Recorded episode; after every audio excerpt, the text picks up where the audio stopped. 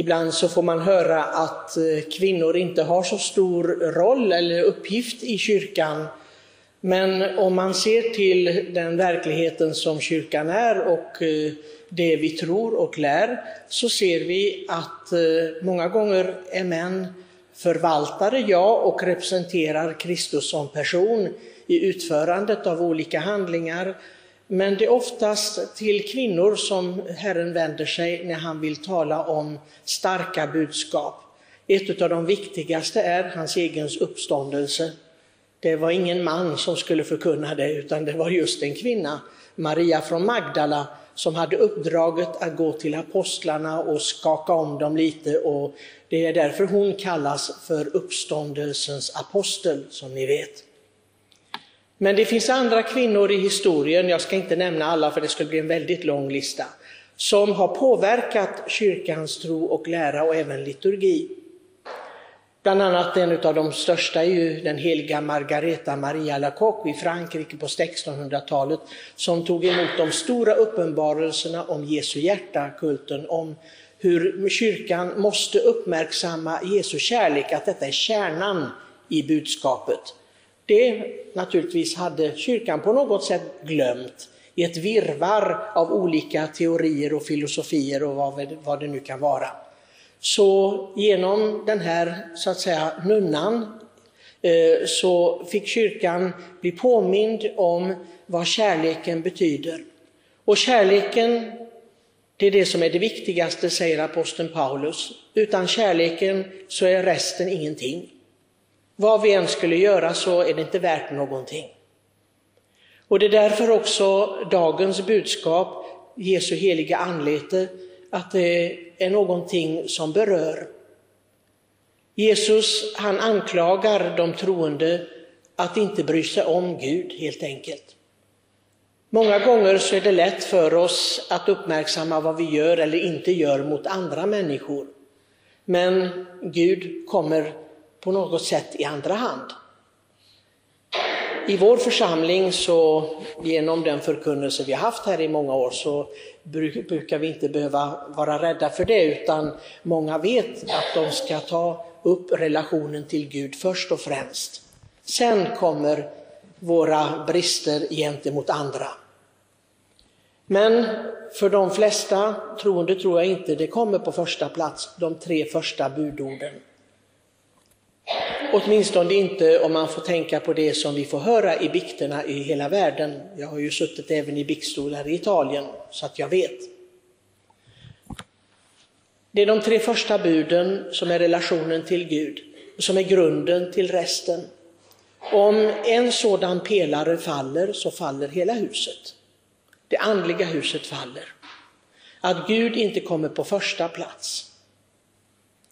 Det finns många avgudar. Ibland så småler man och säger ja men avguderiet det kanske finns i Indien, i, i Asien bland, eller i primitiva folk i Afrika. Men hos oss, oj oj oj, jag tror att vi har fler avgudar hos oss än vad de har på sådana platser.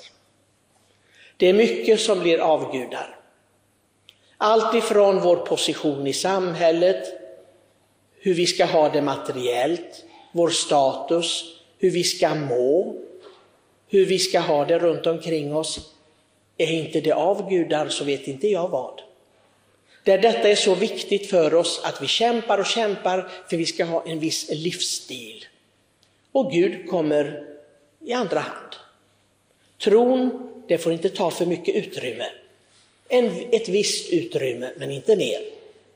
Det ska vara lagom. Hos oss talar man om lagom.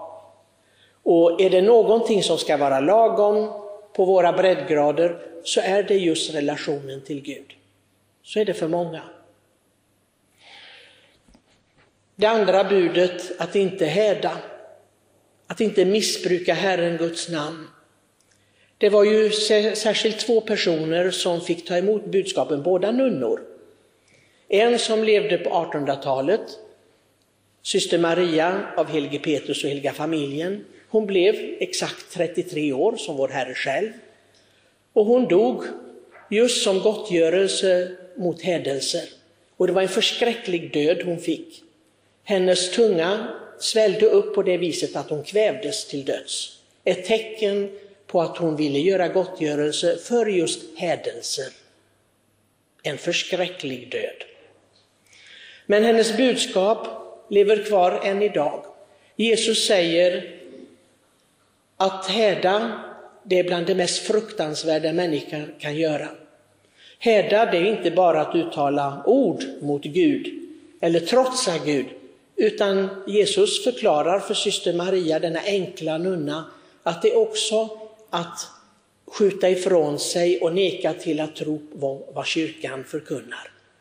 Att inte ta till sig kyrkans förkunnelse, det är också hädelse. Men han säger till syster Maria någonting som gör henne förskräckt. Men du ska veta det att jag har hela evigheten på mig att straffa de skyldiga. Och straffa ska jag. Till en syster som lever många år senare, saliga Pierina de Micheli, en italiensk nunna. Hon får uppdraget att stifta den här festen, en gottgörelsefest om en påminnelse om att vi kan göra någonting mot all den synden. De som har kärlek i sitt hjärta, de betyder någonting. Vi ska inte bara se så att säga med sorgsna ögon på alla de som motverkar Guds verk, utan vi ska också tänka på, men jag kan tillföra någonting. Jag kan göra någonting mot detta mörker. Jag kan sprida ljuset. Jag kan ge Gud kärlek.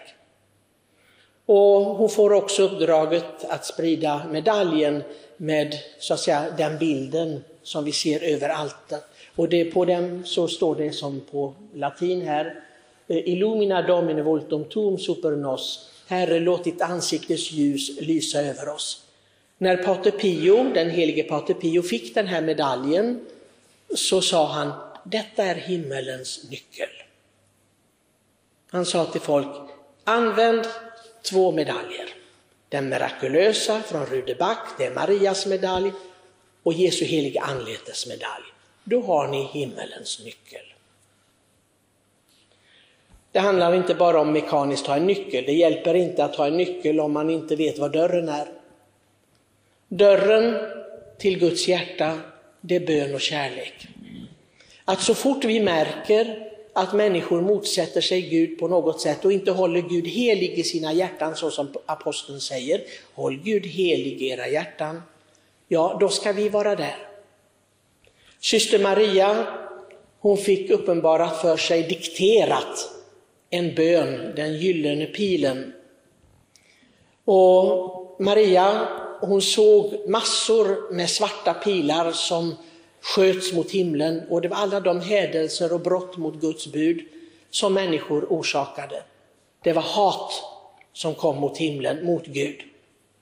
Och så såg hon, så fort hon hade uttalat de här orden, den här bönen, den gyllene pilen, så fick hon se en gyllene pil som gick direkt mot Jesu hjärta och så fort pilen hade nått Jesu hjärta så var det massor med nåd som kom för syndarnas omvändelse.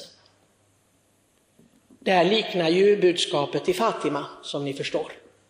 Det, det Maria säger, att det vi gör, vi kanske tycker, ja men om jag ber några böner, vad gör det? Om det finns miljoner, miljoner människor som hädar och syndar och trotsar Gud, va, va, lilla jag. Och det är just det som Guds moder Maria vill bekämpa i Fatima 1917. Hon säger, ni ska inte tro detta att er insats, dig, din insats som individ är meningslös. Den betyder mycket mer än vad du tror. Du själv kan gottgöra för tusen hädelser. Men om vi har, så att säga, blir lurade av den onde fiende djävulen och tänker, lilla jag. Det finns massor med onda människor, orena människor, människor som vänder Gud ryggen. Så gör det någonting om lilla jag gör någonting?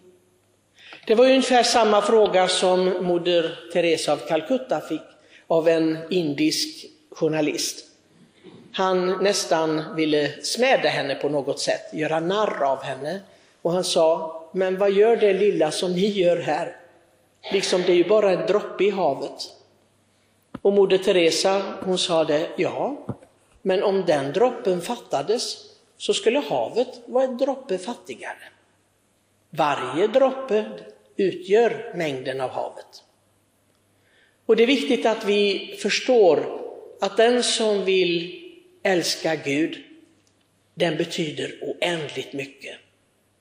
Syster Maria hon fick veta i den här bönen som man ber i en av rosenkransarna som gottgörelse, tillbedjansvärt är Guds namn. Och Herren säger till henne, om du visste vilken ära du får i himlen när du uttalar dessa ord. För varje gång du uttalar dess, denna bön, tillbedjansvärt är Guds namn, så får du en allt större härlighet i himlen och du gottgör för mängder av hädelser. Jag försöker be den gyllene pilen så mycket som möjligt. Särskilt för alla de hädelser som, som jag förstår äger rum i vår församling, inom vår församling, på olika sätt. Församlingsmedlemmar som inte vill vara församlingsmedlemmar, som nekar till tillhörigheten till tron till kyrkan. Som inte tar till sig den tro som kyrkan förkunnar.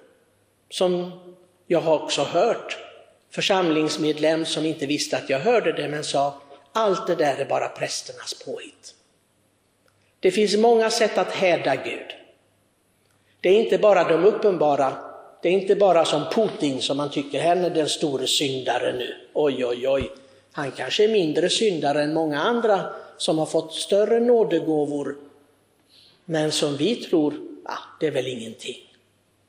Vi ska aldrig bagatellisera den som vänder Gud ryggen. Aldrig.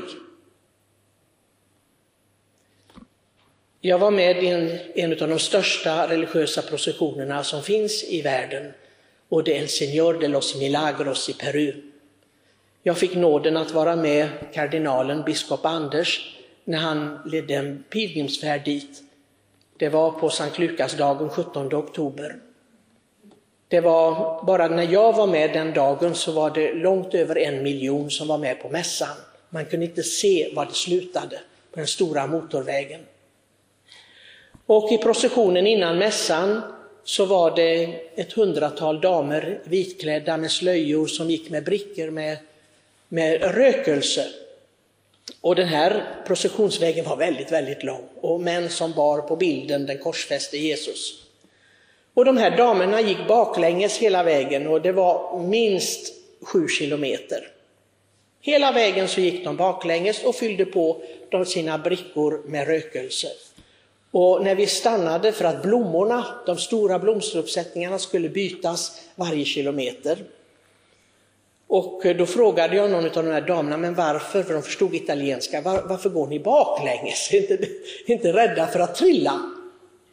Och då så svarade två damer så här, det är för att visa att man ska aldrig vända Gud ryggen. Vi ska aldrig vända Gud ryggen. Och jag har tänkt på det alla de här åren.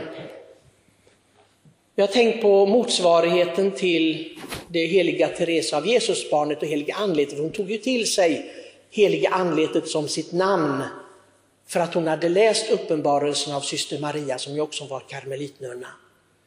Och hon skriver i sin biografi, och det är nog de orden som fick mig att välja att gå i kloster. Ett av de starkaste meningen i hela hennes biografi och där säger hon, jag har aldrig nekat Gud någonting. Det är starka ord. Jag har förstås inte kunnat leva upp till det. Jag önskar att jag hade kunnat göra det. Men det är någonting som jag ser som den största uppgiften en människa kan göra i sitt liv eller söka efter. Att inte neka Gud någonting. För då tror jag inte vi faller i så att säga risken att så att säga förnedra Gud på något sätt, utan då ärar vi honom bara. Jag vill inte säga att jag bara nöjer mig med att be om denna nåden, men vi ska se sen på domens dag vad det blir, vad han säger om mig. Och det får vi var och en höra. Men låt oss be om denna nåden att få ära honom i allt. Det skulle också vara så att säga ett bra löfte inför den fastetid som vi ska börja imorgon. Att inte neka honom någonting. Att göra allt av kärlek för att han ska bli ärad i våra egna liv och i människor vi möter. Amen.